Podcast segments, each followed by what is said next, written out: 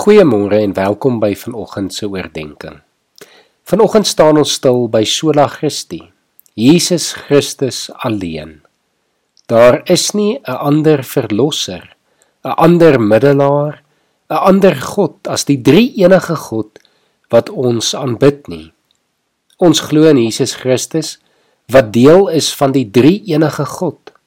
Hy is God in mensvorm en is ook die seun van God. Jesus het op aarde gewoon om vir ons te wys dat hy deel is van ons wêreld.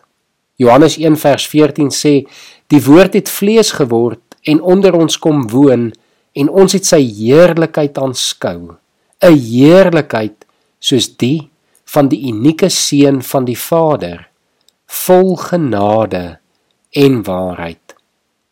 Jesus het aarde toe gekom om vir ons God se genade te verduidelik en om as 'n voorbeeld vir ons die genade te leef in sy doen en late, sy woorde, sy sterwe en sy opstanding.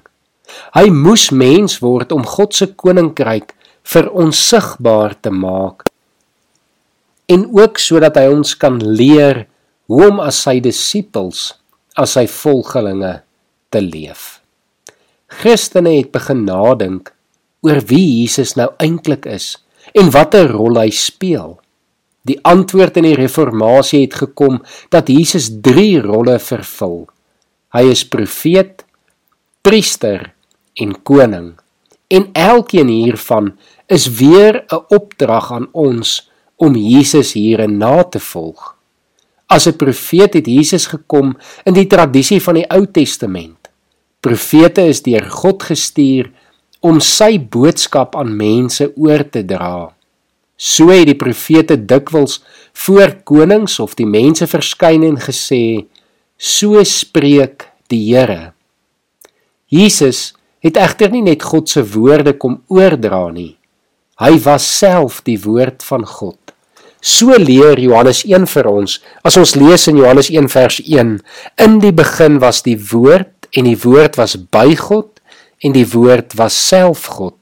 Hy was reeds in die begin by God. Alles het deur hom ontstaan en sonder hom het selfs nie een ding wat bestaan ontstaan nie. In hom was lewe en die lewe was die lig vir die mense en die lig skyn in die duisternis en die duisternis kan dit nie uitdoof nie. Die ware lig wat elke mens verlig was aan die kom na hierdie wêreld toe. As priester het hy die belangrikste offer gebring, homself. So het hy homself verneder sodat ons vandag kan lewe en vrygespreek kan wees. Maar dan moet ons ons lewens weer vir hom as offer uitgiet en ons hele lewe aan hom wy. As koning het Jesus nie aan sy mag vasgehou nie maar hy het dit prysgegee sodat hy deur die Vader verheerlik kan word. Filippense 2 sê vir ons dat die Vader hom sal verhoog en dat elke knie voor hom as koning sal buig. So moet ons nou al reeds die voorbeeld vir ander wees en voor Jesus as ons koning buig.